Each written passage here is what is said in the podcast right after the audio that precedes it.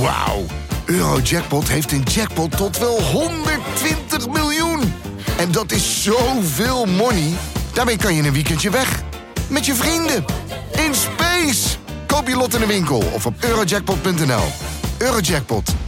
Een spel van Nederlandse Loterij. Speelbewust 18+. Plus. Eigenlijk vallen partijen onder het verenigingsrecht alsof het een soort particuliere konijnenfokkersclub is. Alsof ze geen publieke rollen, publieke verantwoordelijkheden en zelfs publieke taken hebben. Dat is natuurlijk toch heel merkwaardig. Dit is Betrouwbare Bronnen met Jaap Jansen.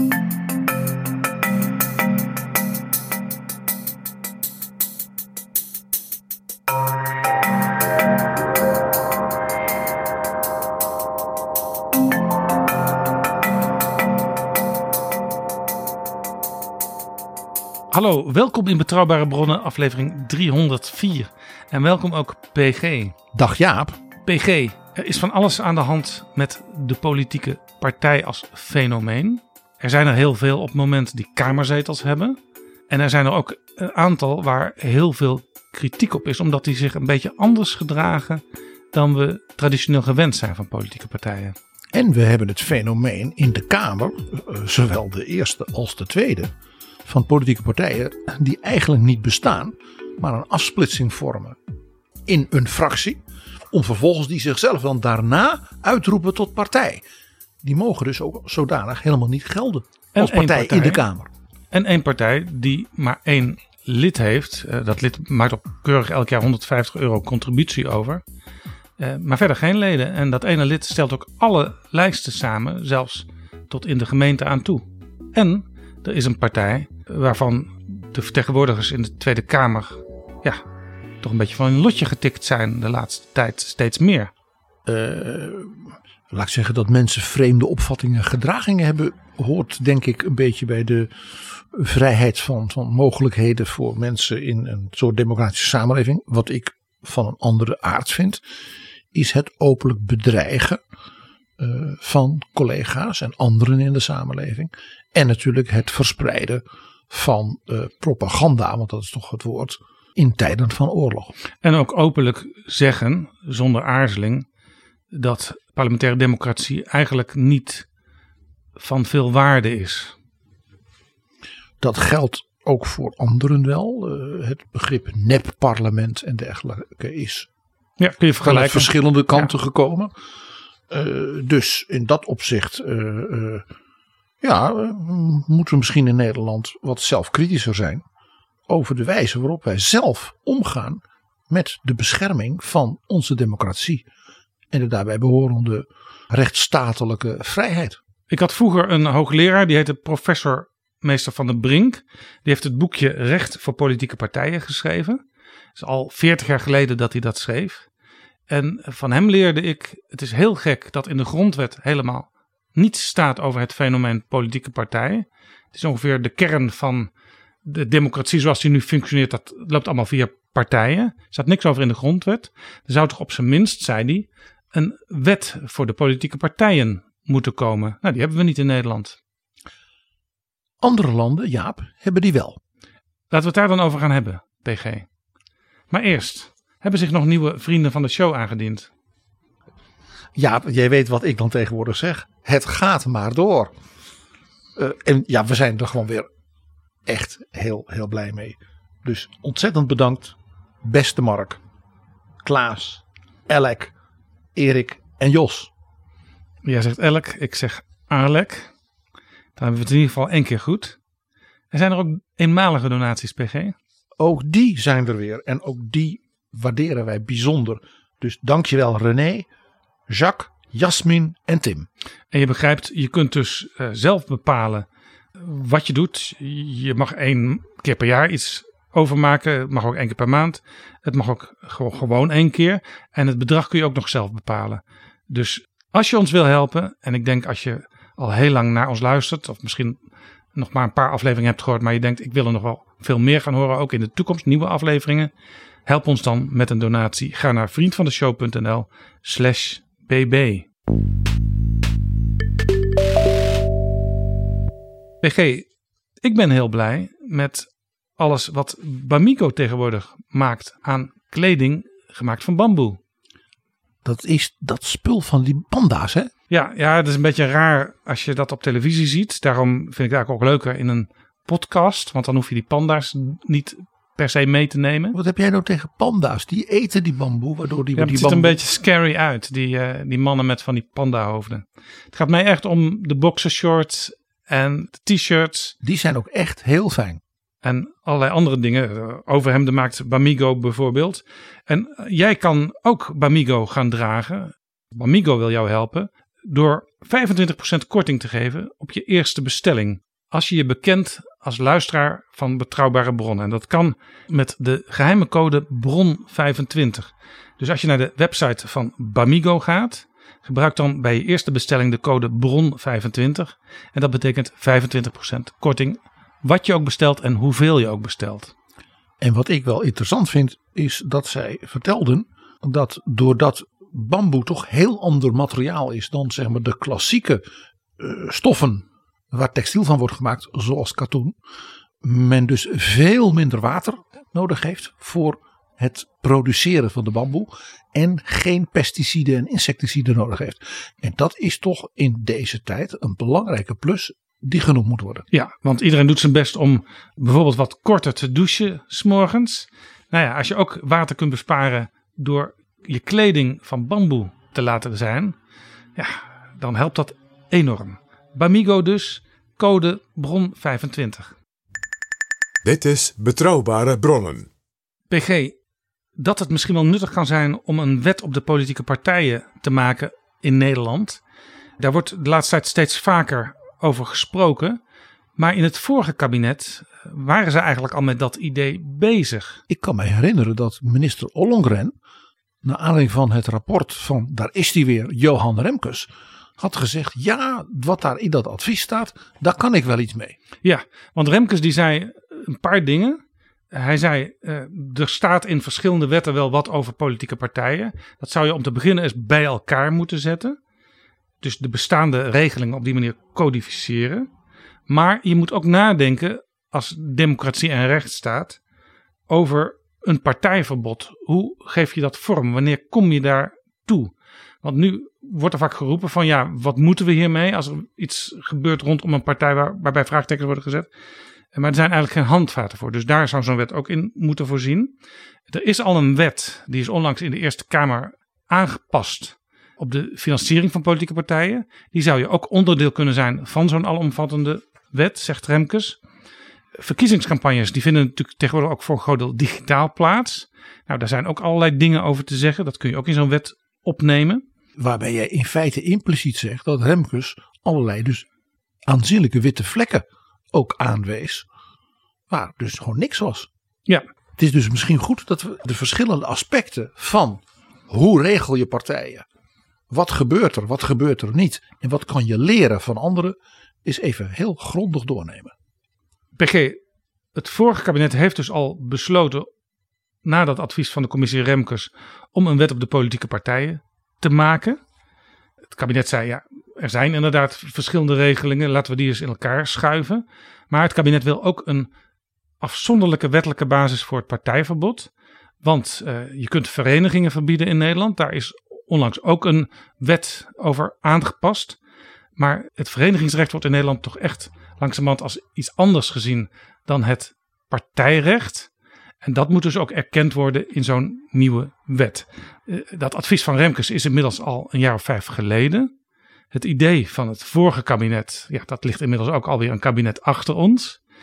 Minister Olongen heeft inmiddels een functie elders. Nu is het Hanke Bruin Slot die het als minister zou moeten gaan aanpakken. Waarom duurt dit zo lang in Nederland? Nou, ik denk allereerst omdat eh, we het blijkbaar moeilijk vinden om hier met elkaar openhartig over te discussiëren. Want Remkes kwam met dat zeer eh, gedegen en uitvoerige stuk. En het feit dus dat de minister toen zei, nou ik schuif die dingen wel bij elkaar en ik kijk wel even met het verenigingsrecht. Daar, daar spreekt ook geen grote urgentie uit, maar ook een zekere verlegenheid, denk ik. Het is bijvoorbeeld ook niet een belangrijk punt in het regeerakkoord van Rutte 4. Van we gaan onze democratie en daar gaan we dus echt iets mee doen. Er zal wel een regeltje staan, maar het is niet een majeur punt hè, waarmee Rutte ook bij zijn regeringsverklaring is gekomen. Terwijl je dat eigenlijk zou verwachten. En dat komt omdat we denk ik in Nederland lastig vinden om te erkennen dat democratie, democratisch besef, democratisch bewustzijn, democratisch handelen, misschien zelfs gewoon de basiskennis van wat een democratie inhoudt en wat rechtsstatelijke vrijheid betekent, eh, dat we daar ja, misschien wel wat lui over zijn, dat we dat allemaal vanzelfsprekend vinden en daar niet al te veel het over willen hebben. Ja, Want dat is natuurlijk ook, dat bevat een erkenning dat Nederland niet volmaakt is. Hè? Zoals we in onze 300ste aflevering al eh, vaststelden. Nederland heeft ook een nogal hoge pet van zichzelf op. Juist als het om dit soort dingen gaat. Hè? Ons ethisch imperialisme. En dat verhindert eh, dat we het daar met elkaar over hebben. Want we zijn toch eigenlijk een voorbeeld voor de wereld. Het is ook lastig, denk ik, voor Nederlanders om openlijk te zeggen: wij moeten vaststellen, ook in de politieke praktijk, dat in dit land diep antidemocratische bewegingen, ideeën en geluiden leven en zich ook misschien zelfs in toenemende mate onbelemmerd uiten. Ja, er was ook een soort ideetje. Begin jaren tachtig, toen eh, Jan Maat met één zetel in de Tweede Kamer kwam. Uiteindelijk had hij met zijn partij drie zetels. Men vond het allemaal vreselijk. Er werd ook gedemonstreerd. En er wa- was ook de vraag: hoe moet je in de Tweede Kamer met zo'n partij omgaan? Maar tegelijkertijd was er ook zoiets van: ja, het blijft altijd maar bij één, hoogstens twee, drie zetels voor zo'n partij. Eh, gelukkig zijn we in Nederland eh, en weten we als democratie ons wel te handhaven. En misschien hoeven we om die reden ook helemaal niet eh, de politieke partij in de grondwet te noemen of, of een speciale wet voor partijrecht te maken. Dat hebben we toch nooit gedaan. En dat loopt toch allemaal prima. En hier speelt ook nog een element. Dat noem ik het non-interventiebeginsel. Zit ook een beetje misschien in onze poldercultuur. Val anderen nou niet lastig, dan vallen ze jou niet lastig met hoe jij functioneert. Wij zijn in Nederland ook, Joop van den Berg zei dat heel scherp. We hebben helemaal geen debatcultuur, dat roepen sommige mensen wel. Wij modereren Ja, nou ja, je ziet en het ook, debatteren je niet. ziet het zelfs bij iets, bij iets anders wat op het moment speelt. De, de kwestie rondom Khadija Ariep. Dat politieke partijen met elkaar zitten te discussiëren over dat het presidium bepaalde dingen wel of niet zou mogen. En als het dan gebeurt, hoe, hoe dat dan zou moeten. En dat je het eigenlijk eh, toch niet over elkaar kunt hebben in de politiek, want dan is het eind zoek. Ja, en dan krijg je dus de situaties dat eh, mevrouw Ariep ineens wordt heilig verklaard door de PVV. En de PVV vervolgens verzwijgt dat de, de tweede man in het presidium, waar men enorme kritiek op heeft, hun eigen Martin Bosma is. En de PVV denkt natuurlijk, ja, als, als men zich al met eh, de vorige Kamervoorzitter gaat bemoeien, ja, dan is het moment misschien niet ver weg dat ze het ook echt met ons een keer echt gaan bemoeien. Ja, en hier speelt dus het element wat in de Nederlandse cultuur ook een beetje zit van hou het nou gezellig. Iedereen doet mee toch, dat is, vinden we dan het hoogste goed. Dus dan moet je maar niet te precies worden en de loep te scherp laten zijn. En daarom is het misschien wel zo dat er in ons land dus eigenlijk helemaal niks geregeld is. Want precisie ten aanzien van normen en het stellen van grenzen, ja, dat, is, dat ondermijnt de gezelligheid. Ja, en er zijn ook, er zijn ook regels die er wel zijn, die in de praktijk eh, heel anders blijken uit te werken. Bijvoorbeeld eh, in de kieswet staat wel degelijk dat een lijst gebaseerd moet zijn op een vereniging. Maar dat blijkt zo te interpreteren te zijn dat je met een vereniging van één lid er ook al bent. Dus dat is een formalistische houding. Niet over beginnen, want dat ondermijnt de gezelligheid. Dus dat, dat is wat ik noem dat non-interventiebeginsel. Dat is ook een heel mooi voorbeeld bij die, die regels die er dan zijn voor de financiering van partijen. Die regels zijn niet helder genormeerd. Dat zijn procedurele regels. En waarom is dat? Nou, precies wat jij zei. Eigenlijk vallen partijen onder het verenigingsrecht alsof het een soort particuliere konijnenfokkersclub is. Alsof ze geen publieke rollen, publieke verantwoordelijkheden en zelfs publieke taken hebben. Dat is natuurlijk toch heel merkwaardig. En daardoor kan er eigenlijk alles. Mag ik eens een voorbeeld geven? Bij de afgelopen verkiezingen was er een miljardair uit de ICT-hoek. En die heeft gewoon een cadeau gegeven van 350.000 euro aan de Partij van de Dieren en een miljoen aan D66. Nou, gun ik dat de mensen die die campagnes hebben mogen maken van die partij van harte natuurlijk. Maar dan, dan zeg je toch van, kan dat zomaar? We weten ook dat de PVV en waarschijnlijk ook wel Forum fondsen krijgt, financiering krijgt uit het buitenland. Nou, als een moskee het doet, dan staat men op zijn achterste benen.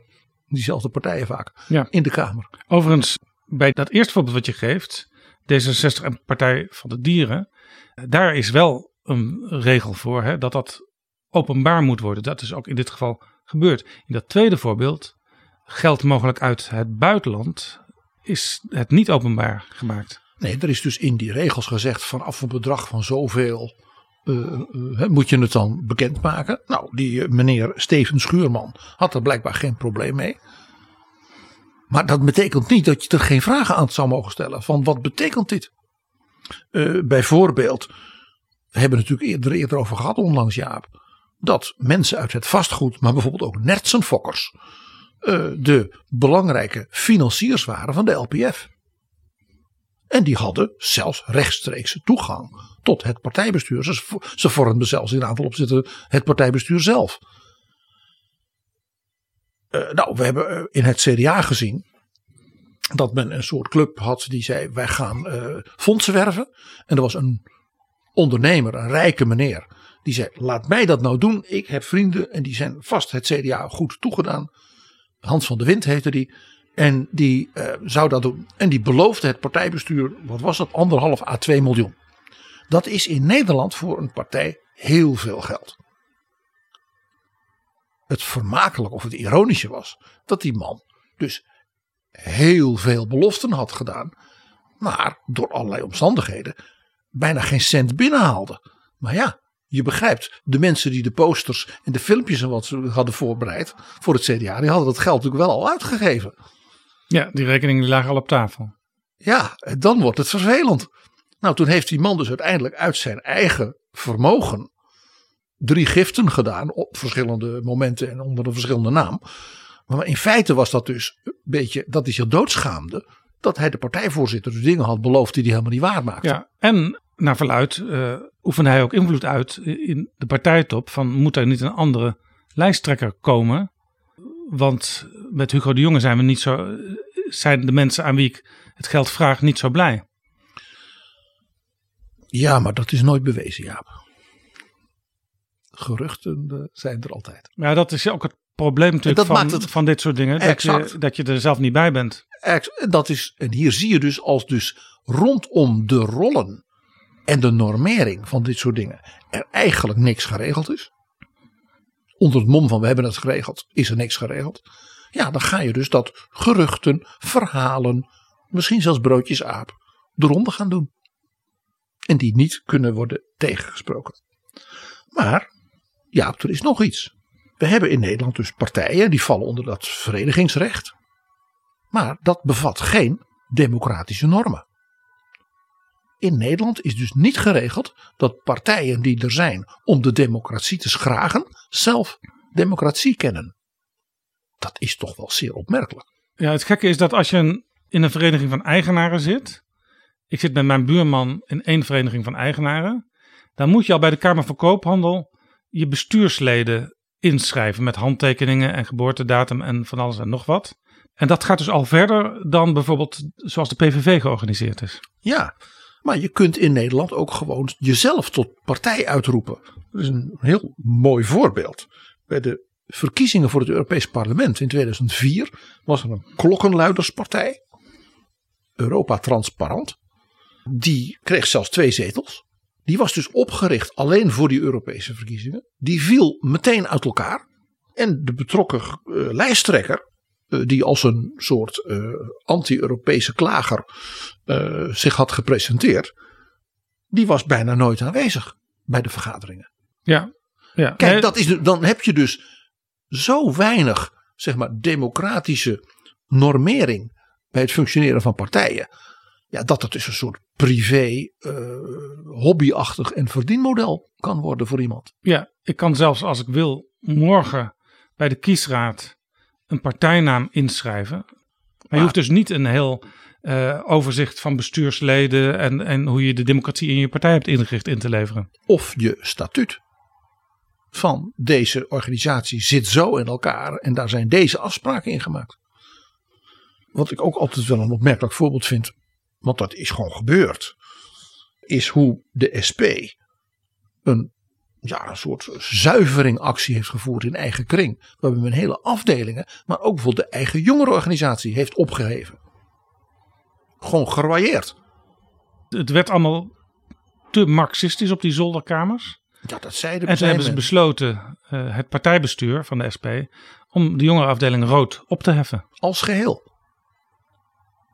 Ja, dat kan dus in Nederland blijkbaar. Overigens is afgelopen weekend de nieuwe jongerenorganisatie van de SP opgericht. En die heet gewoon simpelweg SP Jongeren. Is het misschien dan toch niet goed om eens te kijken hoe gebeurt dat elders? Jaap. In andere landen. Ja. En ja, het is geen toeval, denk je dan vanuit de geschiedenis, dat een land als Duitsland, maar ook een land als Oostenrijk, na 1945 besloot om maar hele uitvoerige, scherpe en gedetailleerde wetgeving juist ten aanzien van politieke partijen in te richten. Ja, in Duitsland heb je het Partijengezet. Ja, maar dat partijengezet is de vrucht van nog iets anders.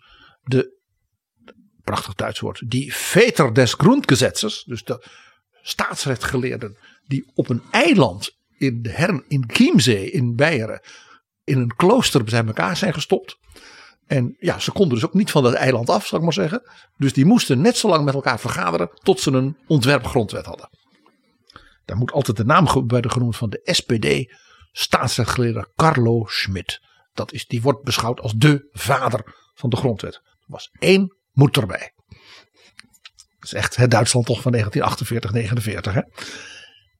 En die hebben gezegd, wij moeten in de grondwet meteen formuleren wat de opdracht is van partijen, hun rol en ook de wijze waarop zij hun positie als democratische pijler van dus die nieuwe bondsrepubliek hebben in te vullen, inclusief de mogelijkheid om partijen dus te toetsen en op te heffen. Ja, Dus dat is een grondwettelijke ja. bepaling. Waar wij in Nederland dus helemaal niks hebben staan over partijen in de grondwet. Het woord komt er niet eens in voor.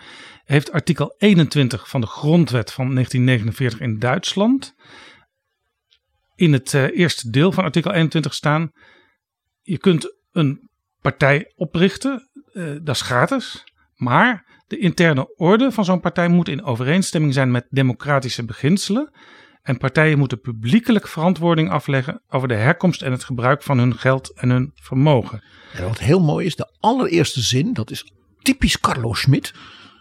Die had bij elk grondwetsartikel ook het beroemde eerste, de eerste woorden van de grondwet. De menselijke waardigheid is onaantastbaar. Dat is natuurlijk een zin waarin je dus alle lessen van de nazietijd als groot denker probeerde samen te vatten. Dat dus in het Duitsland, het democratische Duitsland, dat de menselijke waardigheid onaantastbaar is. Zo heeft hij ook hier weer in artikel 1 van artikel 21 zo'n prachtige zin.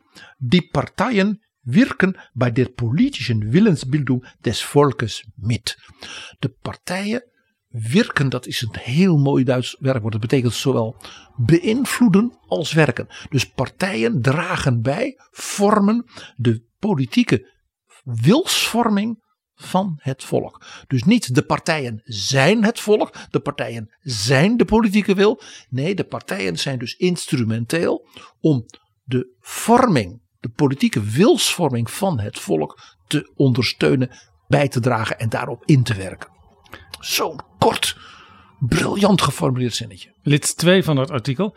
Partijen die op grond van hun doelstellingen of het gedrag van hun aanhangers de vrije democratische orde willen aantasten of opheffen, of het bestaan van de Bondsrepubliek Duitsland in gevaar brengen, zijn ongrondwettelijk. Dus let op, als dus leden van een partij, dus aanhangers van de partij, zich gedragen, dan kan die partij nog zo'n prachtig beginselprogramma bij wijze van hebben. Maar als de leden daarvan zich zodanig gedragen dat vastgesteld wordt, dit gedrag bijvoorbeeld het dreigen met tribunalen, ondermijnt de echt ook weer zo'n, dit is ook een term van Carlo Schmid, die vrijheidliche democratische grondordnung, de grondbeginselen van het bestel. Dan is die partij al door het gedrag van zijn aanhangers in strijd met de grondwet. Jij begrijpt dat hier natuurlijk historische, voor de mensen van dat moment, natuurlijk actuele herinneringen ja, uit hun eigen leven van de paar jaar daarvoor doorklinken. Het gedrag van een partij. De manier waarop zo'n partij, ik zal maar zeggen, hè, zijn partijcongres in Nuremberg organiseert. De manier waarop men mensen op straat intimideert. De manier waarop men mensen als het ware zegt van ja, jij bent een Jood, dus je mag geen les meer geven. Of je mag geen advocaat of dokter meer zijn. Ja. Daar gaat dat om. PG en artikel 4 regelt nog dat uiteindelijk over de ongrondwettigheid beslist wordt door het grondwettelijk hof. Dat is ook iets wat we in Nederland niet hebben, een constitutioneel hof. Nee, dus het constitutioneel hof, het Bundesverfassungsgericht in Karlsruhe, wordt dus in Duitsland ook altijd gewoon Karlsruhe genoemd. Dus als je zegt Karlsruhe moet nog beslissen, dan gaat er een siddering hè, door de Duitse politiek en de media. Heel interessant Jaap, dat vierde lid is heel recent aangepast. Dus jij las de allernieuwste versie voor, dus niet die van 1949. Want daarin is aangepast dat het uitsluiten van statelijke financiering, conform dus dat vorige derde lid, ook wordt beslist door het Bundesverfassungsgericht. Dat heeft ermee te maken dat het Verfassungsgericht heeft gezegd: de Bondsdag moet kunnen beslissen. Als wij als Bundesverfassungsgericht vaststellen dat een partij strijdig is met de grondwettelijke beginselen, moet de Bundestag bij wet regelen dat dus die financiering wordt gestopt. Want die financiering is een wettelijk recht. Dus de Bundestag moet daartoe beslissen en dan bevestigt het Bundesverfassungsgericht dat wel of niet natuurlijk.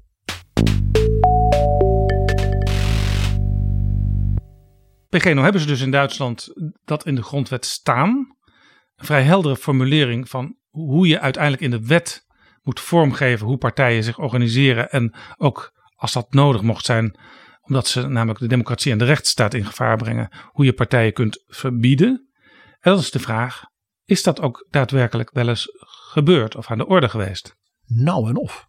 Jaap, die grondwet ging dus in werking in 1949. Op grond daarvan konden dus partijen binnen die nieuwe grondwettelijke ordening aan de slag. Die waren natuurlijk al begonnen in de verschillende landen. En toen had men dus de Bondsdagverkiezingen van 1949. Adenauer werd Bundeskansler. En in die Bondsdag, die had toen nog niet die 5% kiesdrempel. En die was natuurlijk groot, zoals nu. Dus met relatief weinig stemmen had je een zetel. Dus die eerste Bondsdag had heel veel ook kleine partijen. Eén daarvan was de Socialistische Rijkspartij. Dat klinkt nationaal-socialistisch. Ja, dat, dat nationaal was weg. Want Rijkspartij betekende dus dat zij claimden het hele Duitse Rijk. Dus dat van 1937 ja. zoals niet dat heet. de Bondsrepubliek zoals die op dat moment gevormd werd. Nee, dat was niet genoeg. Dat was natuurlijk ook de Sovjet-bezettingszone, zoals dat toen in die tijd werd genoemd. En de gebieden die door Polen, door Tsjechoslowakije, zelfs door de Sovjet-Unie, natuurlijk ja, waren bezet. Ja, hier kun je dus wel uit opmaken dat het een bedreiging is voor het idee van het nieuwe Duitsland. Ja, de Bondsrepubliek werd hiermee als het ware ten principale ter discussie gesteld. Maar het was een socialistische Rijkspartij. Dus deze Rijkspartij, die dus een zeg maar nationalistisch, expansionistische gedachte als het ware uh, belichaamde, zei dus ook openlijk: wij uh, bouwen voort op dus de volksgemeenschapsgedachte van de NSDAP. Ja, en die kwam dus gewoon weer in het eerste parlement na de Tweede Ja, Wereldoorlog. Die hadden een paar zetels, want er waren toch een aantal mensen die het toch echt prachtig hadden gevonden. Zullen we maar even zo zeggen. En dat waren dus ook allemaal oud-SS'ers en oud uh, Je zou NSDAP-types. kunnen zeggen gewoon de opvolger van de NSDAP. Ja, precies. Die partij, eh, ja, die gedroeg zich ook, eh, nou ja, conform zoals in de grondwet al was geformuleerd, op een manier die, eh, laat ik zeggen, onmiddellijk tot de grootst mogelijke toestanden leidde. En die partij is al in 1952, dus al in de eerste parlementaire periode, formeel verboden. Ja, dus drie jaar na de komst van die grondwet. En dus in de eerste parlementaire periode, hè, dus in het derde jaar van die vier, eh, werd gezegd: deze partij is gewoon ontraakbaar, zoals dat heet, en is dus verfassingswidrig. Ja, je kunt misschien wel zeggen dat men zelfs zo'n soort partij ook in het hoofd had bij het formuleren van de grondwettelijke beginselen. Nou, dat is het interessante. Er was eh, ook uit de Weimar-republiek nog een andere stroming. En dat was natuurlijk het communisme. Eh, Je moet ook niet onderschatten dat er in Duitsland rechts en in het midden ook een groot anticommunistische stroming altijd was geweest. En dat ook in de Weimar-republiek is de KPD een tijdje verboden geweest. De Communistische Partij Duitsland. Ja. Overigens ook wat ook niet iedereen weet. In 1923 is in de Weimar-republiek de NSDAP verboden. Dat was na de putsch die door Hitler werd eh, geprobeerd in Beieren. Waardoor Hitler natuurlijk, hè, in de gevangenis kwam. Zodat hij alle tijd had om Mein Kampf te schrijven. Eh, maar de partij was verboden. Men heeft die partij dus een paar jaar daarna. In het kader van we moeten toch ruimdenkend zijn. Heeft men de NSDAP weer toegelaten. Had men dat niet gedaan. Dan was dus er nooit sprake geweest van een NSDAP in de Rijksdag. Ja. En ook niet van een Hitler als rijkskanselier. Maar dus na de oorlog was de KPD er ook weer. Ja, en die had, net als in Nederland, in onze naoorlogse verkiezingen, een flinke aanhang. eh, omdat toch heel veel Duitsers zeiden van. eh, wij moeten eh, toch blij zijn hè, dat de communisten hebben bijgedragen aan de bevrijding. Daarbij kwam, de KPD was voor 1933 echt een hele grote en machtige partij. Met een zeer krachtige organisatie. Dus ja, die nieuwe KPD in Ja. West-Duitsland, die was ook weer, die kon voortbouwen op dus een grote eh, en stevige traditie. Ja, er is ook ooit door, door mensen als Lenin ook gedacht van... eh, zal misschien Duitsland de eerste Sovjetstaat worden? Ja, dat was, eh, Marx zei altijd, ja, Duitsland heeft door zijn industriële ontwikkeling de meeste kansen. Maar Marx zei altijd, het zal in Duitsland niet gebeuren. De Duitse arbeiders zijn zo goed opge- opgevoed. Als zij de spoorwegstations en alle andere dingen moeten bezetten bij de revolutie, gaan ze allemaal een perronkaartje kopen. de KPD werd dus gekozen. En toen kwam er in 1953 natuurlijk in de DDR, dus de communistische tegenhanger, die grote volksopstand eh, van de arbeiders, daar begon het mee, tegen de nieuwe eisen van het regime. Waarbij ze als het ware veel harder moesten werken voor minder geld. Want ja, de economie van de DDR stond toen ook al op instorten. Dat is een soort permanent eh, iets geweest. En nou ja, toen hebben dus Sovjet-tanks in Oost-Berlijn geschoten en alles. En ook elders in de DDR, in kleinere steden, is er e- enorm gedoe geweest. En ja, toen ontstond er wel een discussie van, ja, de KPD, die dus eigenlijk, ja, de partij is die sympathiseert, sterker nog gewoon een rechtstreekse verband is, heeft met de staatspartij van de DDR, kan die wel blijven? Dus toen ontstond er een hele discussie over, is het wel democratisch om omwille van wat er in de DDR gebeurd is, hier in West-Duitsland een partij te verbieden? Ja, in hoeverre heeft dat met elkaar te maken, kun je je afvragen. Nou, dat ging dus heen en weer. Maar in 1956 heeft men toen besloten de KPD te verbieden. En dat had ongetwijfeld te maken met de opstand in Hongarije die bloedig werd neergeslagen in dat jaar. Precies omdat men zei: dit betekent dat partijen met die ideologie, die zich dus ook openlijk bekennen tot hun band met het Kremlin, want dat speelde hier, het was een Stalinistische partij ook.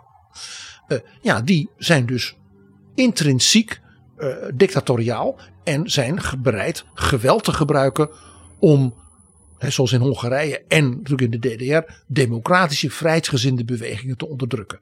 Daarmee zijn ze een bedreiging voor het bestaan van de Bondsrepubliek. Er was toen overigens ook in Nederland discussie, ook relletjes bij het, het gebouw van de Waarheid en de Communistische Partij in Amsterdam.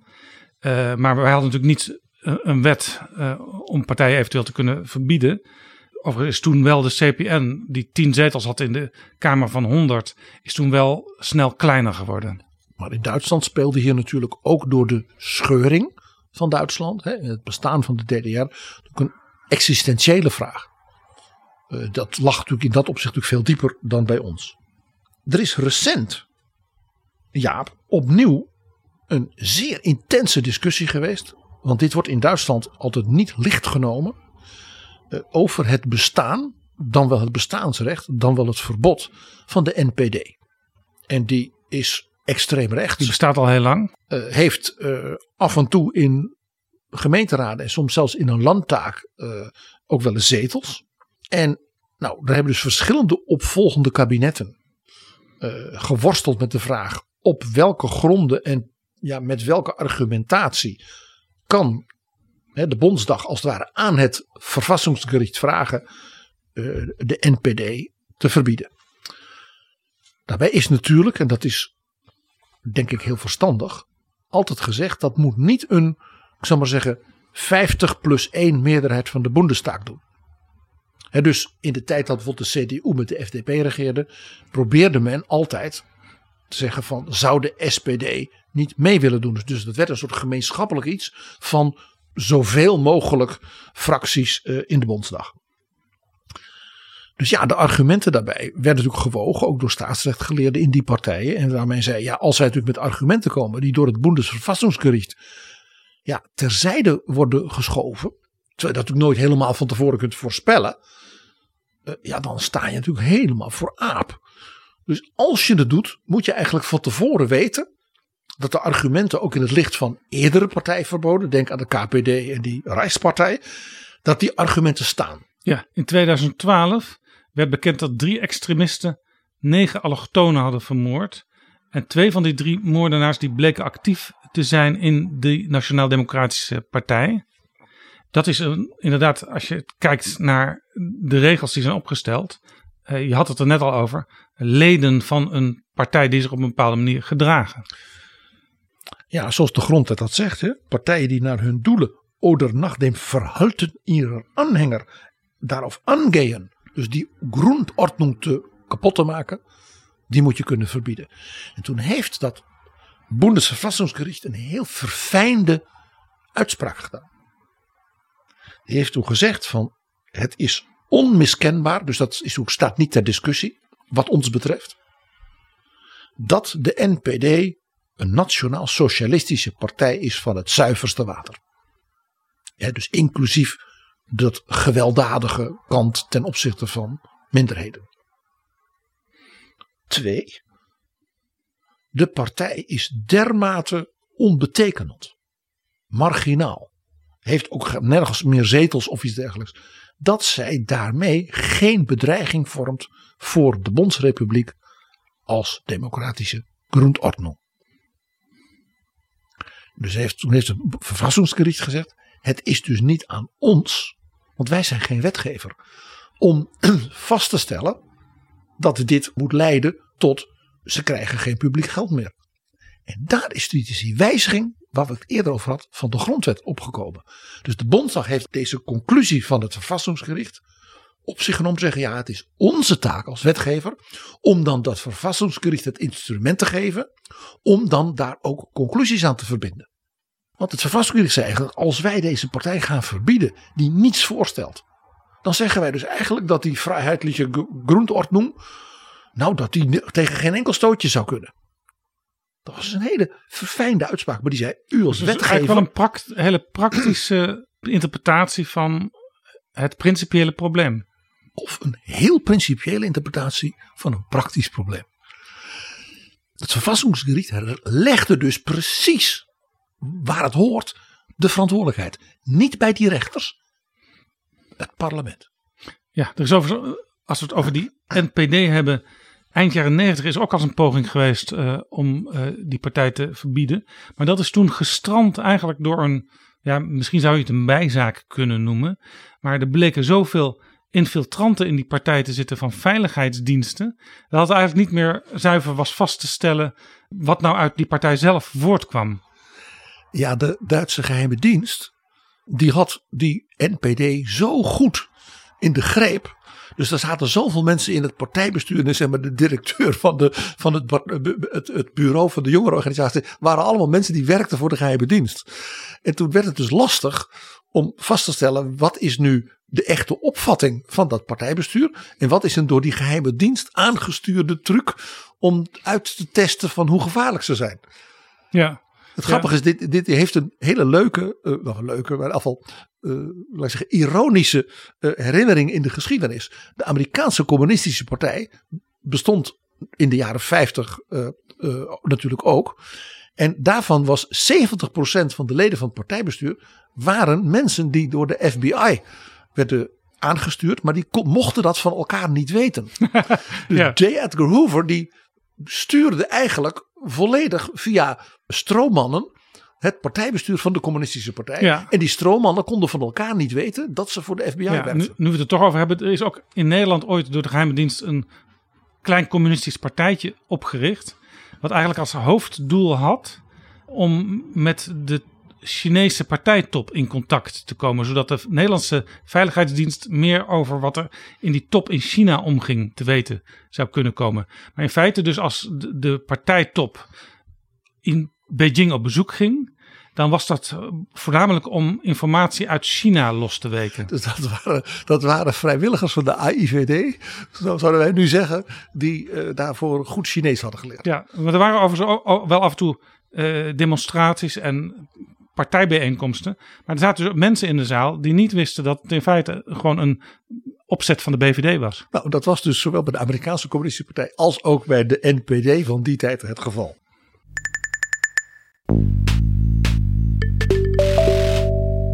Dit is Betrouwbare Bronnen, een podcast met betrouwbare bronnen. We praten over nut en noodzaak van een wet op de politieke partijen naar Duits voorbeeld. Nou hadden we al vastgesteld, Jaap, dat die grondwet zei: de nadere uitwerking moet gebeuren door een Bundesgesetz. Dat heeft wel even geduurd. Want ten eerste moest men vaststellen dat die grondwet en het Bundesverfassungsgericht blijkbaar effectief genoeg waren. Zie die socialistische Rijkspartij die onmiddellijk kon worden aangepakt.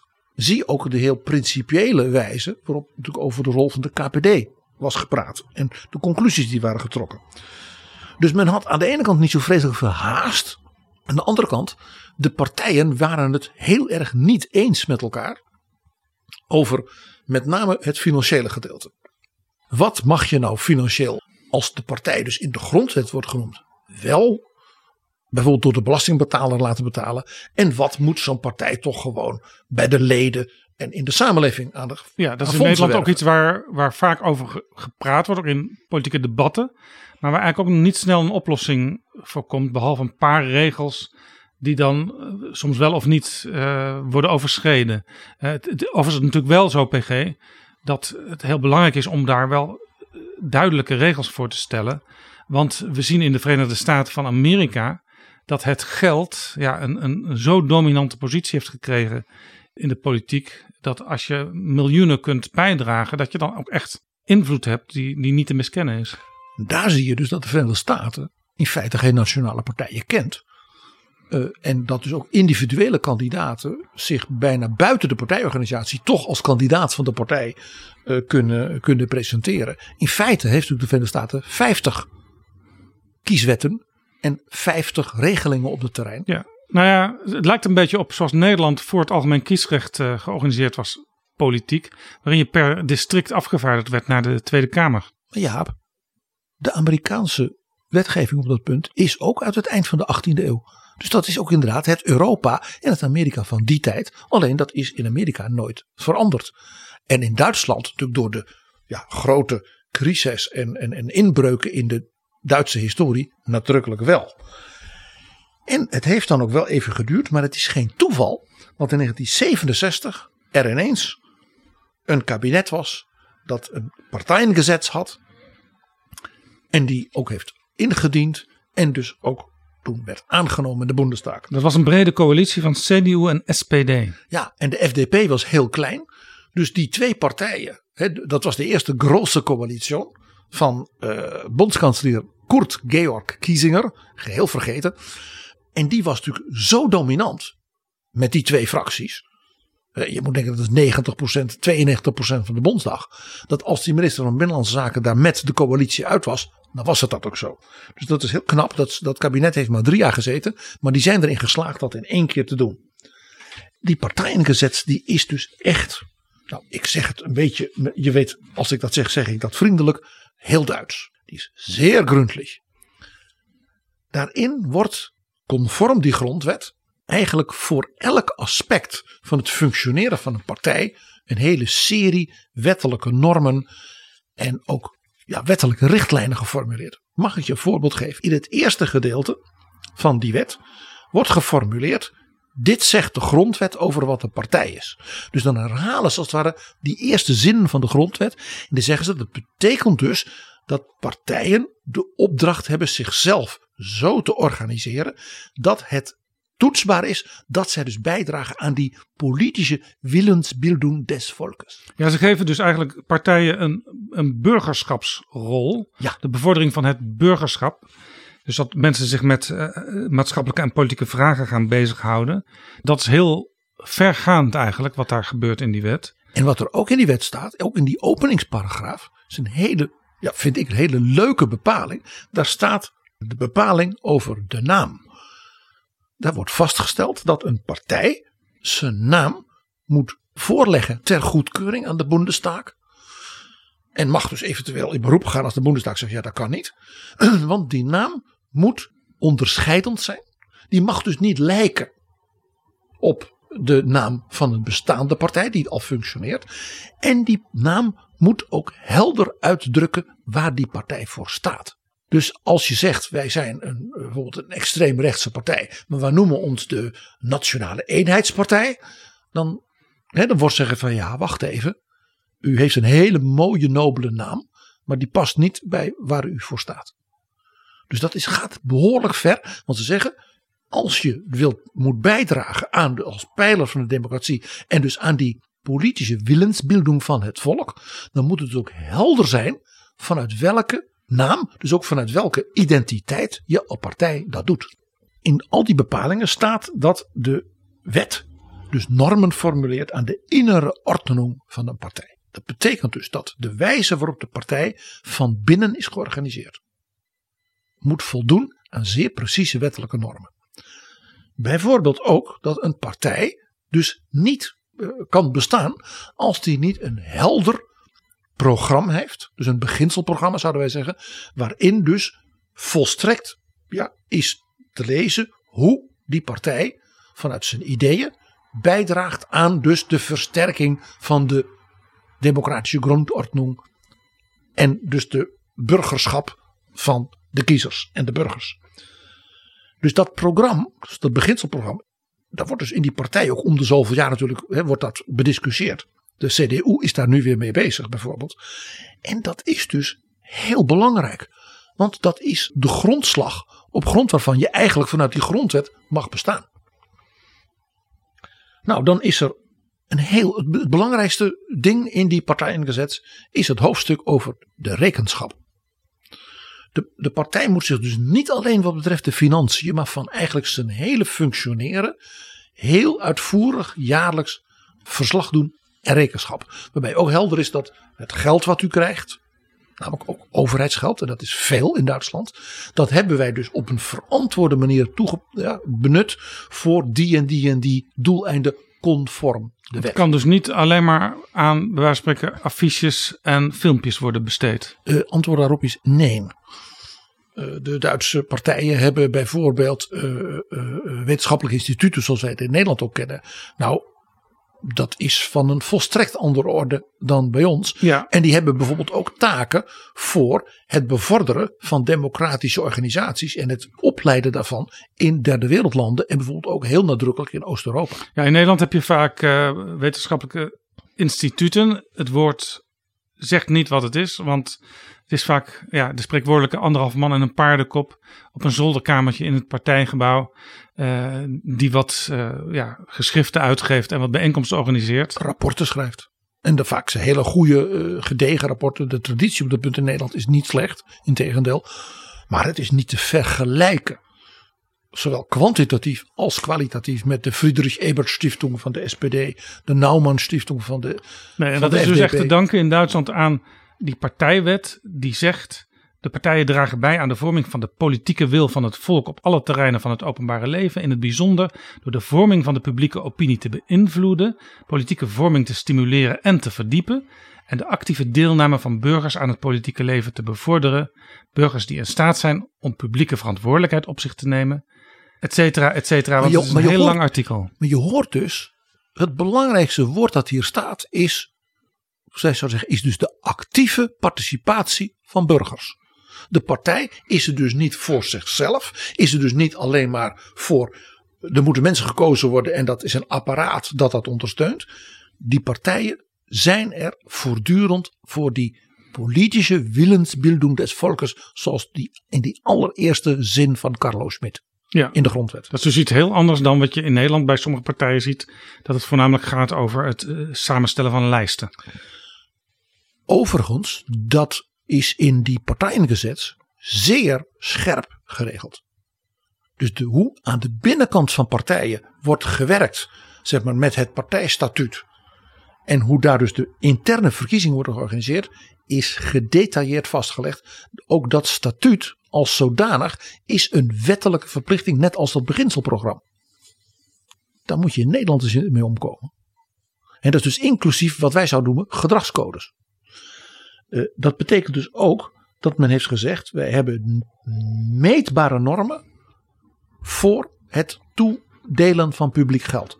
Dus er is in de wet vastgelegd, serieus, dat er voor elke geldige stem op de kieslijst bij de Bondsdagverkiezingen de partijen 83 eurocent krijgen.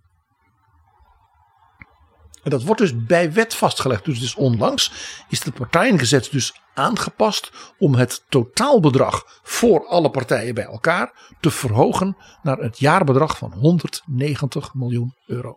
In totaal. Ja, het beschermen, koesteren en kwalitatief opwaarderen van je democratie. Daarvan zeggen de Duitsers dat mag wat kosten. In Nederland weet ik dat partijvoorzitters één of twee keer per jaar met de minister van Binnenlandse Zaken spreken. En dan wordt er ook altijd ja, bijna gebedeld om wat meer geld voor allerlei activiteiten. Maar dat wordt met, met grote gêne wordt dat dan gedaan. En er wordt ook altijd van tevoren door die partijvoorzitters onderling afgesproken. Wie, zal, wie van ons begint erover tegenover de minister als we daar aan die ronde tafel zitten. En ja, soms komt er dan wat meer, soms ook niet. Want dan zegt bijvoorbeeld de Tweede Kamer, waarom moet dat allemaal, al dat geld naar die partijen? Ja, de Tweede Kamer eh, denkt dan. Eh, het volk wil niet dat die zakkenvullers hè, wat krijgen. Dus dan gaan wij, ik zeg het wat cynisch, het volk napraten. Terwijl wij zelf door diezelfde partijen zijn gekandideerd. En dus blijft het die spreekwoordelijke anderhalve man en een paardenkop die bepaalde activiteiten doet. Nou, dat partijengezet bevat natuurlijk zeer scherpe procedurele en ook strafmatige bepalingen. Als dus die rekenschapparagraaf, die zo gedetailleerd is en niet alleen over financiën gaat, als de partijen daar niet voldoende mee werken. Dus dat wordt gecheckt en detail. En als partijen dus ja, nou, de pet naar gegooid hebben, dan zijn daar dus hele scherpe bepalingen dat partijen gestraft worden. Inclusief de Vollzug des Verbots verfassungswidriger partijen. Dus hoe dat verbod op partijen waarvan dus wordt vastgesteld die zijn in strijd met de grondwet, hoe dat voltrokken wordt, staat zelf weer in de wet. Dat betekent dus dat als een partij wordt bedreigd met zo'n verbod, dat zo'n partij ook een, een wettelijke grondslag heeft om daartegen in beroep te gaan. Ook dat hoort bij de democratische grondordnung. Dat een partij kan zeggen: Ik vind dat ons, ons onrecht wordt gedaan.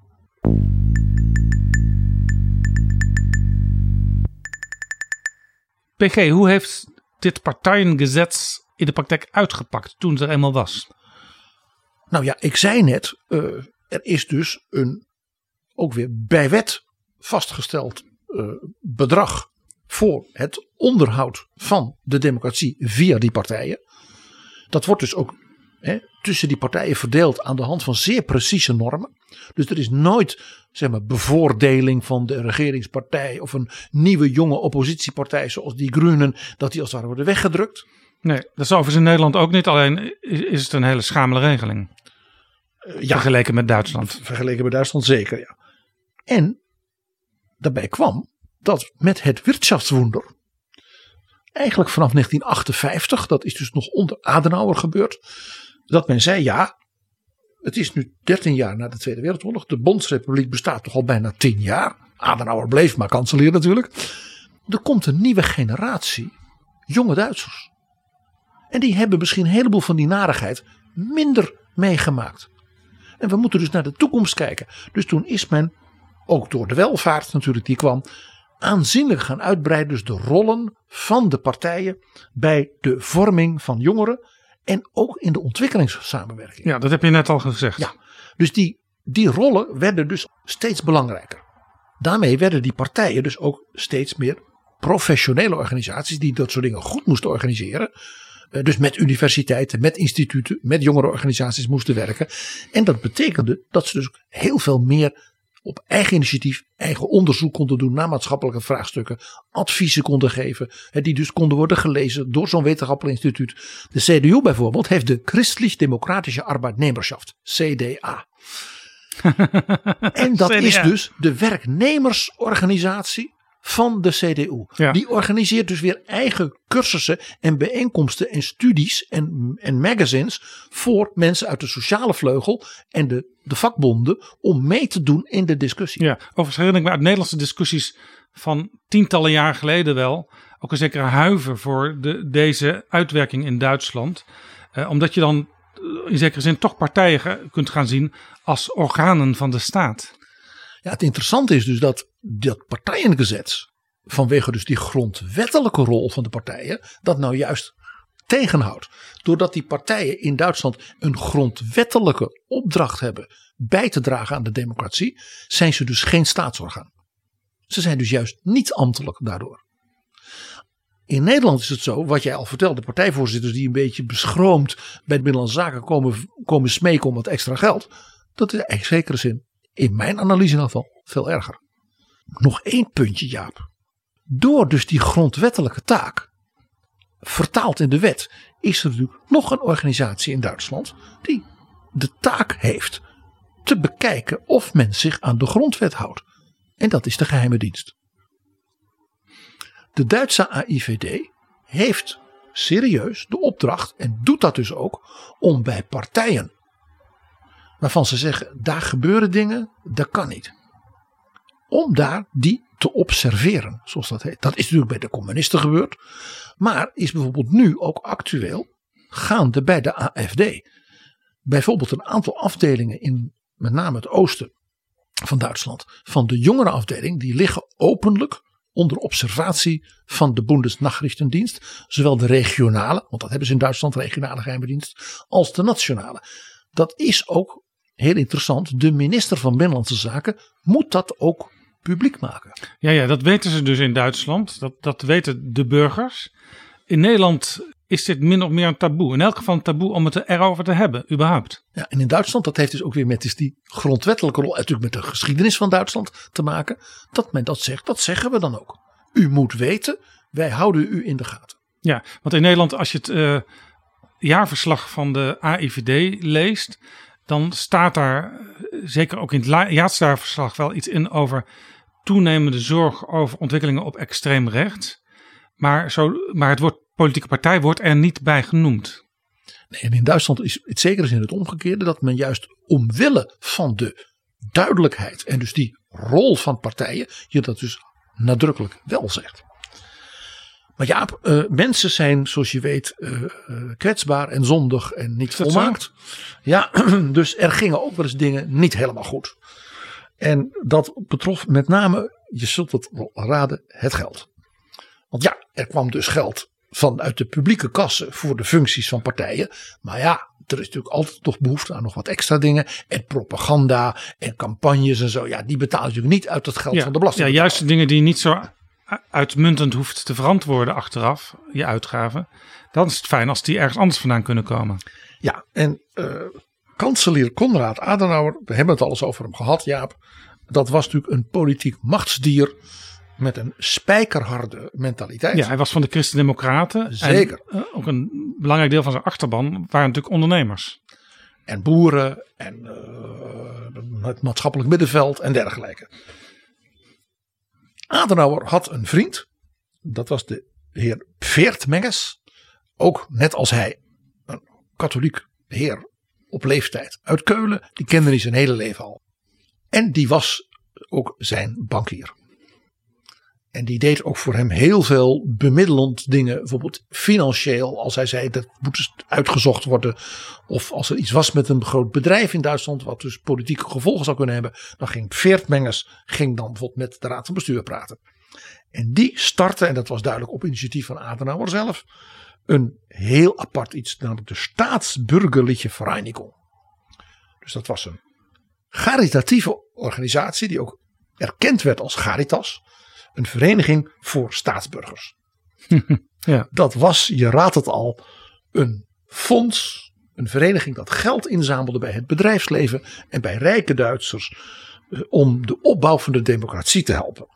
Feitelijk werden daarmee campagnes en activiteiten van politieke partijen buiten dus het partijengezetz om gefinancierd. Oh, dit doet mij heel erg denken, PG, aan Amerika, de Political Action Committees.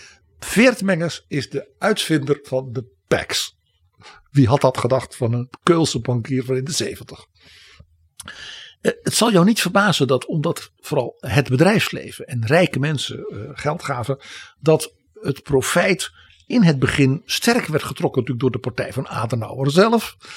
Ach ja. Ja, die had het uitgevonden. Ja. Uh, en natuurlijk de Beierse CSU mocht dan als zusterpartij ook een beetje. En natuurlijk de FDP in de loop van de jaren 60 ging ook de SPD meedoen en profiteren. Dus je raadt het al, dit werd iets van alle partijen. Ja, want het Iedereen werkt, zat het werkt uiteindelijk ook zo. Als je grote partij bent en regelmatig aan regeringen deelneemt, dan uh, word je ook al ben je misschien wat linkser, ook toch voor ondernemers, voor industrieën interessant.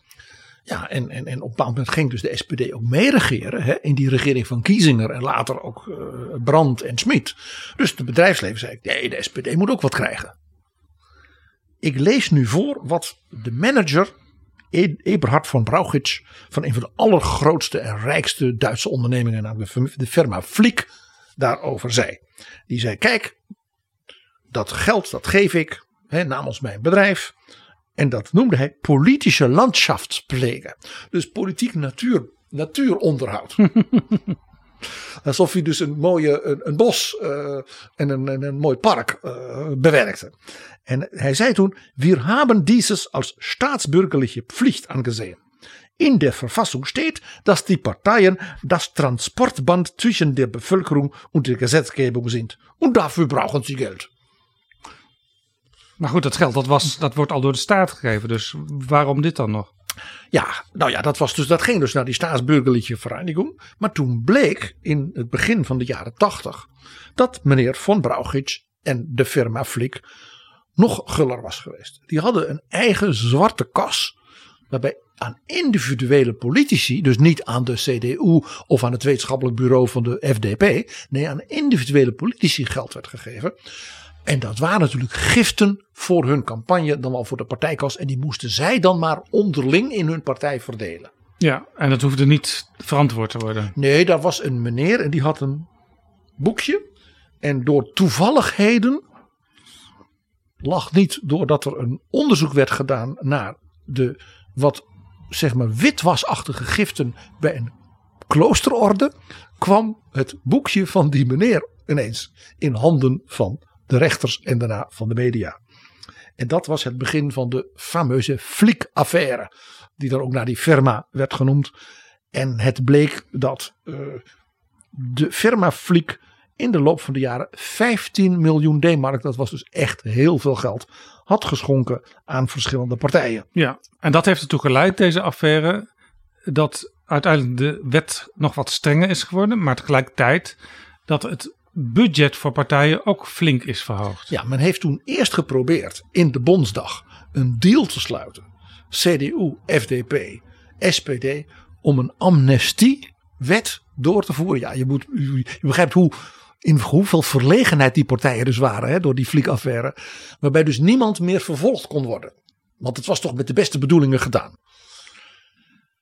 Er was één partij toen net in de Bondsdag. En die had nooit één cent gehad, want die zaten er net in en het waren de Groenen. En de Groenen hebben hier enorm van geprofiteerd. Die hebben dus kabaal gemaakt. Alle juridische trucs en ja, in debatten het voorschijn gehaald. En hebben dus die amnestiewet, waar dus eigenlijk CDU, SPD en FDP het over eens waren, weten te voorkomen. Knap werk. En toen heeft men dus de wet vervolgens enorm aangescherpt. En heeft dat geholpen? Ja, dat heeft geholpen in de zin dat dus die met name vormingsactiviteiten, dat men daarvan zegt, daarvoor moet je niet moeten bedelen bij bedrijven. Dus dat, laten we dat ook maar gewoon vanuit de publieke kas doen. Eh, en we gaan veel scherper nog die regenschaften, die rekenschapsartikelen ook uh, aanscherpen op het punt van als u dat soort giften krijgt, moet u dat ook publiek verantwoorden. En dus niet alleen de publieke gelden. Maar PG, toen die wet was aangescherpt en toen er nog meer geld beschikbaar was gekomen vanuit de overheid, toen zijn er toch nog allerlei gebeurtenissen geweest. Uh, Jaap, de mens is, de vlees is zwak, hè, zoals dat heet in de Bijbel. Ja, de AFD bijvoorbeeld. Ja, de die Alternatieven voor Duitsland, een extreemrechtse partij. Die bleek vanuit Zwitserland allerlei geld te krijgen voor de campagnes. Dat heeft onder andere toegeleid dat een van hun partijvoorzitters uh, ja, zijn, zijn, zijn positie kwijtraakte en nu alleen nog als afgesplitst lid van het Europees Parlement uh, mag werken. Het meest beroemde is natuurlijk het partijspendenschandaal rond Helmut Kool. Helmut Kool. Of zoals Kool zei, Bimbes braucht man. Dat is Velser dialect voor pegels heb je nodig. Kool die zei, ik heb bij de Wiedervereinigung natuurlijk die CDU in het oosten moeten opbouwen. En ik heb dus aan allemaal rijke Duitsers gezegd: doe dat nou voor het vaderland en voor de partij.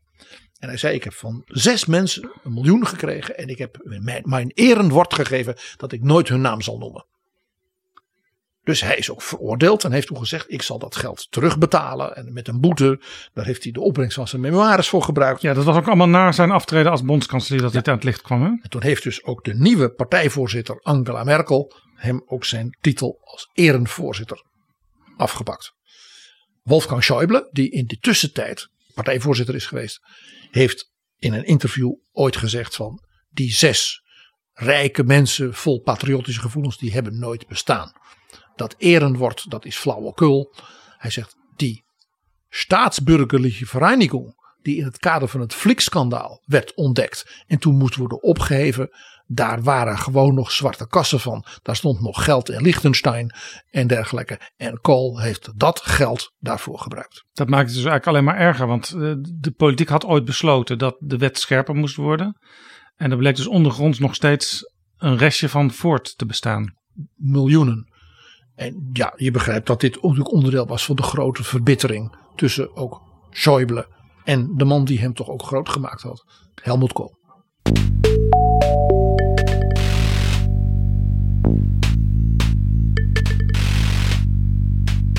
PG, dit was een heel interessant verhaal over hoe dat in Duitsland heel duidelijk geregeld is.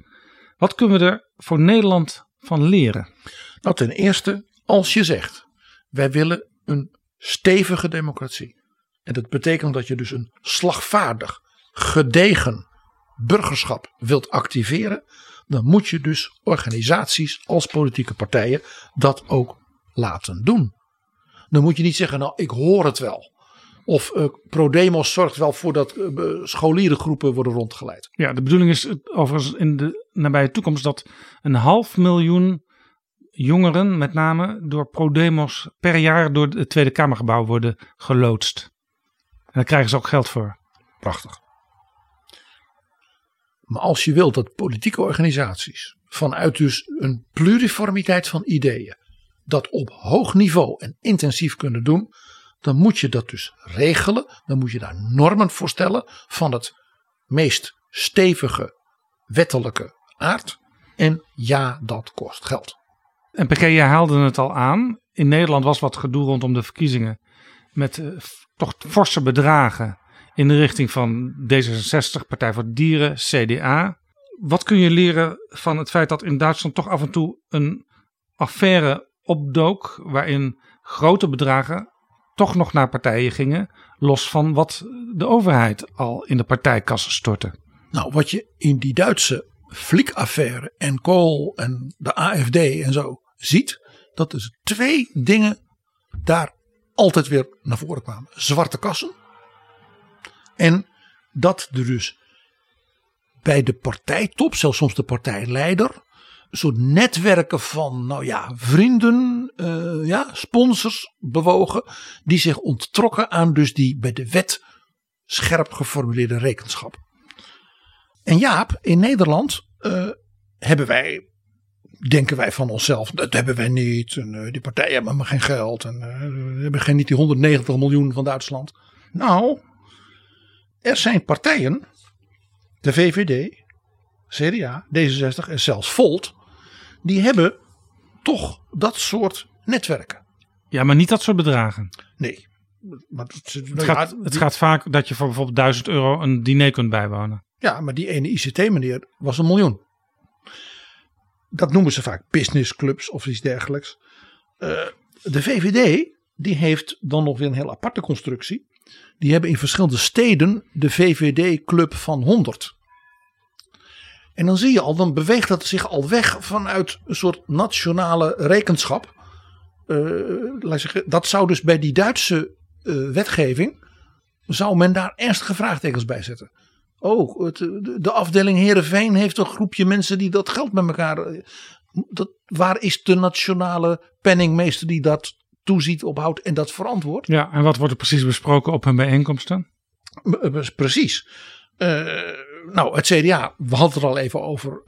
hè, waar een meneer riep: dat ga ik wel even doen. Nee, dus. Hè? Eh, D66 heeft een businessclub. Dit is prachtig. Ik lees even voor hoe die zich presenteert. D66 is een ondernemerspartij. Sociaal-liberalen hebben een persoonlijke, maar ook een ondernemende ambitie voor Nederland. Toen dacht ik, volgens mij is dat niet helemaal conform de sociaal-liberale kanon. Zoals wij die hebben besproken met elkaar, Jaap. Dat denk ik ook niet. Volt, dat had jij toch ook niet gedacht? Die hebben ook zoiets en dat heet de Spinoza Circle. En dan moet je 5000 euro doneren of beloven dat je vijf jaar lang 1000 euro overmaakt. Ja, ik, ja, bij mij gaan dan natuurlijk als historicus allemaal vraagtekens boven mijn hoofd eh, zweven.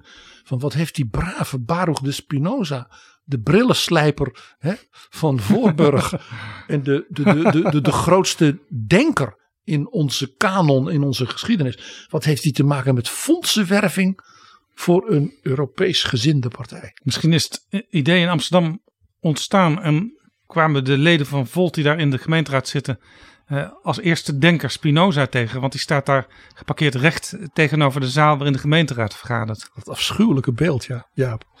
Nou, eh, je, je hoort met de lichte ironie, maar vanuit de Duitse ervaring, dus de indringende waarschuwing, zorg dat je dit goed normeert en dus bij voorkeur bij wet, Hanke Bruinslot, zodat er ook geen rare vragen komen. En zodat ook niet rare types, eh, zoals je bij de LPF zag, hè, nertse fokkers, eh, vastgoed, greep krijgen op de democratische processen. Dit is Betrouwbare Bronnen. En PG, nu nog eens even naar waar we eigenlijk aan het begin van deze aflevering het over hadden. De democratische rechtsstaat en hoe soms een partij die democratische rechtsstaat in gevaar zou kunnen brengen. En dat je daar dan eh, ja, een oordeel over moet kunnen laten vellen door de rechter. En dat kan als je dus zeer krachtig formuleert wat de taak en de publieke opdracht is. Het niet alleen maar, zoals ik een konijnenfokkersvereniging in het verenigingsrecht. Een publieke opdracht voor het schragen van de democratie. En je normeert dat, dan kan dus zowel de, zoals in Duitsland, de Bondsdag, in Duitsland zelfs de geheime dienst, maar ook het, de, de rechter daaraan toetsen. Dan weet ook iedereen waar hij recht op heeft. En ook waar hij, als hij de mist in gaat, volstrekt terecht wordt aangepakt. En in Duitsland heeft men dat in de grondwet gedaan. Persoonlijk zou ik dat heel mooi vinden, maar een grondwetswijziging in Nederland is ingewikkeld. Maar misschien moeten we het in het kader van het belang van de democratie ook gewoon voor over hebben dat we het wel doen. Ja, zoals in 1983 ook bij de grondwetswijziging een aantal sociale rechten aan de grondwet zijn toegevoegd. En dat is minstens zo belangrijk als het schragen van de democratische grondordnung van ons land. En zou je dat doen zoals in Duitsland, dan zeg ik maar zo ronduit Jaap. Dan zou dat betekenen dat bijvoorbeeld de PVV als een illegale constructie niet zou kunnen bestaan. Ja, omdat het een vereniging van één persoon is. Wat op zich al heel raar is, want wie verenigen zich dan? En waarbij dus die rekenschapsaspecten dus zich, dus Ja. zich dus beperken tot één persoon. En dat kan waar, niet. waar, ze- waar zowel niet rekenschap wordt afgelegd intern als extern. En dan nog los van wat in het partijgezet staat. Dus die zeer nadrukkelijke democratische eh, eh, normering van de interne besluitvorming, de kandidaatstellingen en dergelijke. Ja, en dat geldt dan natuurlijk ook voor het Forum voor Democratie. Want eh, dat is weliswaar de partij die zich erop beroemt met 55.000 leden de grootste ledenpartij van Nederland te zijn. Maar ik heb wel eens eh, congressen gevolgd. En ik zag daar geen enkel eh, amendement of motie worden aangenomen. Er zijn ook niet allerlei partijcommissies en zo. Er, is geen, zijn geen checks en balances in die club. Het is toch vooral Thierry Baudet en een heel klein kringetje eh, van mensen die op één of twee handen te tellen zijn die de dienst uitmaken. Nou ja, laten we niet eh, vergeten dat Ja 21 in feite de partijstructuur van Forum, want ja, daar komen ze vandaan, gewoon hebben gekopieerd. En een van de dingen, en dat zou dus ook in zeg maar, zo'n Duitse normering niet kunnen, is dat je zegt je kunt alleen bestuur corrigeren als een bepaald percentage van de leden gezamenlijk bijeenkomt. En dan moet je denken aan 20.000 mensen in een stadion. Ja, Ja, dat is dus geen serieuze, wat zoals jij noemt, checks and balances, de democratische structurering. Van ja dat de betekende dat besluitvorming. het partijbestuur, dat bij FVD uit drie eh, partijen bestond, eigenlijk onafzendbaar was. Sterker nog, zelfs onderling konden ze elkaar er niet uitgooien. Dat is bedacht door Henk Otte, die later uit FVD is gestapt. Vandaar waarschijnlijk dat ja 21 zich ook weer gebaseerd heeft op die regels die er toch al waren. Eh, en Henk Otte is uiteindelijk uit het bestuur van FVD gestapt. eh, omdat hij eruit stapte. hij is er niet uitgezet eh, door anderen, want dat kon volgens die regels niet. Nee, hij zou dus pro forma nog altijd lid van het bestuur hebben kunnen zijn. In zekere zin heeft Thierry Baudet in zijn partij de positie die Xi Jinping in China heeft. Onafzetbaar. En voor het leven. Maar mag ik ook nog eens even wijzen op de lijsttrekkersverkiezing in het CDA? Een online verkiezing die dermate amateuristisch was georganiseerd. eh, dat alles over moest en wat dan niet. Dit zou in Duitsland echt gewoon worden afgekeurd. En men zou het CDA hebben gedwongen om op een misschien wat traditionelere manier een, zeg maar, eh, eh, een- een gedegen, controleerbare lijsttrekkersverkiezing te organiseren. Ook in coronatijd heeft men in Duitsland eh, eh, eh, lijsttrekkers gekozen en dergelijke. En is er dus ook, dat gaat in Duitse partijen dan getrapt, die verkiezingen. Heeft men dus gewoon een hele grote hal gehuurd om met so- met social distancing gewoon live te kunnen stemmen zoals het hoort volgens het partijengezet. Dus in dat opzicht eh, is het denk ik voor Nederlandse partijen en de democratische cultuur in Neder- Nederlandse partijen van belang dat we zoiets zouden hebben. Ja, zoals onze democratie bestaat uit een Tweede Kamer, een Eerste Kamer, een regering. De democratische rechtsstaat ook nog een rechtelijke macht heeft. Er is, zijn nog allerlei dingen daaromheen, zoals de Raad van State. Ja, Zo maar ook, moet- ook de belangrijke een- adviesorganen. Ja, zo van- moet een politieke partij dus ook intern checks en balances hebben georganiseerd. Die ook transparant te controleren zijn, ook van buitenaf. En daarom zijn dus die grondwettelijke en wettelijke normen, zoals in Duitsland, zo belangrijk. Want als je die normen hebt, en daar is dus ook jurisprudentie over, en die hebben dus groot gezag hè, door hun rol vanuit de grondwet, dan zijn ze dus ook van buiten handhaafbaar. Dan kan dus ook worden gezegd, dit is geen correcte procedure hoe die partij dat doet. Eh, dan kan zowel van binnen die partij, maar ook van buiten die partij, in Duitsland zelfs dus door de voorzitter van de Bondsdag, worden geklaagd. En dan ontsnap je een beetje uit wat ik in het begin in Nederland zei, we moeten het een beetje gezellig houden. Een beetje eh, goedwillend, vrijblijvend verenigingsleven. Nee, de democratie is echt meer dan dat. En je zou dus ook in Nederland, weet dat dit zeer controversieel is, kunnen zeggen als er zeer zorgelijke signalen zijn ten aanzien van de democratische rechtsorde bij de gebeurtenissen van binnen of door partijen, dan zou je de AIVD daarop moeten kunnen zetten. En dat moet je dan ook gewoon eerlijk zeggen. In Duitsland gebeurt het. En in Nederland eh, is bijvoorbeeld het functioneren van de heer John Loveland, eh, die notabene als Brit, als hij Engeland binnenkomt, ja, wordt verhoord door de geheime dienst over zijn relaties met het Kremlin. We hebben het over de directeur van de internationale tak van Forum voor Democratie. Ja, en dat kan in Nederland gewoon zonder enige discussie blijkbaar. Dat betekent dus dat de rechter in zo'n situatie met dat soort normen kan toetsen of men voldoet ook intern aan de democratische besluitvorming en de correcte zeg maar, verslaglegging daarvan. En dat betekent dat dus ook de, het Kamerpresidium, anders dan nu, als het ware een wettelijke grondslag heeft om bijvoorbeeld, zoals de Bondsdag dat wel kan, een partij aan te spreken op zijn functioneren. Dat is dus niet omdat, omdat men een opinie heeft of omdat er iemand een boze mail heeft gestuurd. Nee, dan is dat omdat dat in de wet staat. En dan zeg je, ik wil dat u zich daarvoor verantwoordt.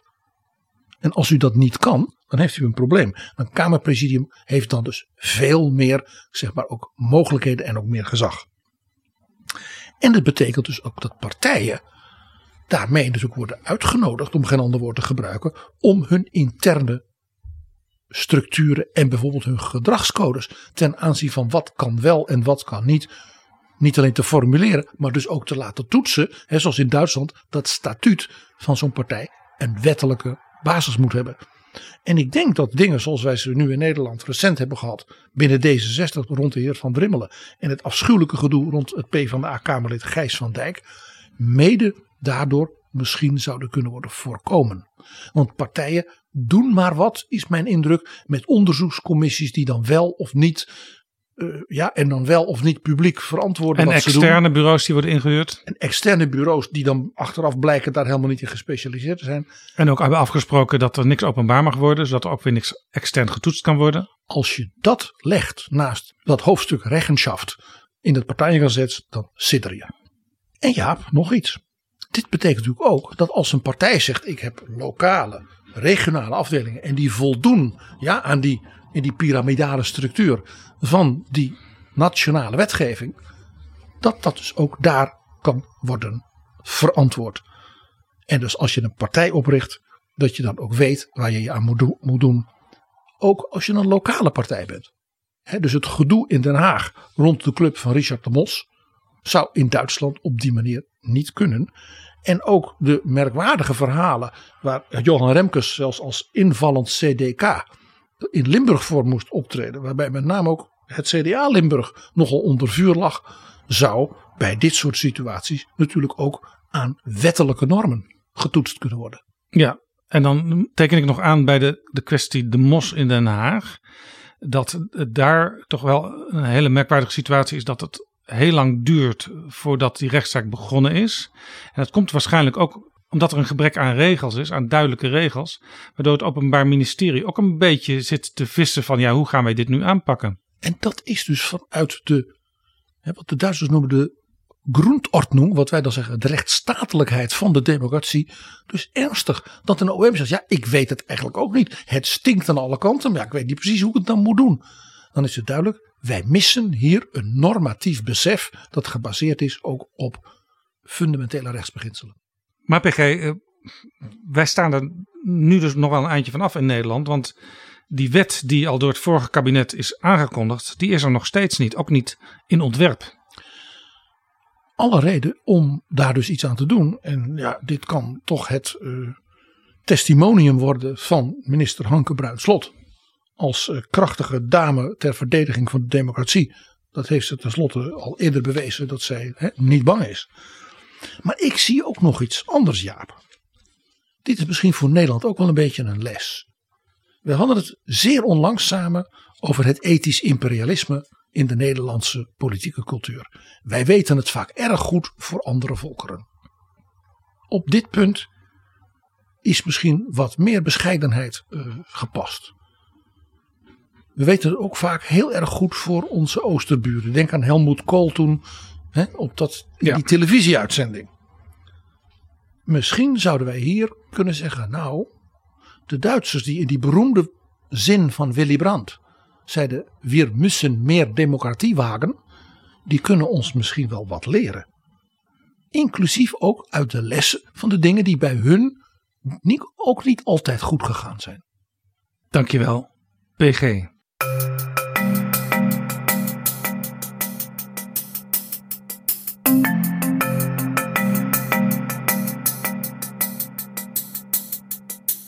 Zo, dit was Betrouwbare Bronnen, aflevering 304. Deze aflevering is gemaakt mede dankzij de donaties. Daar heb je het weer, PG.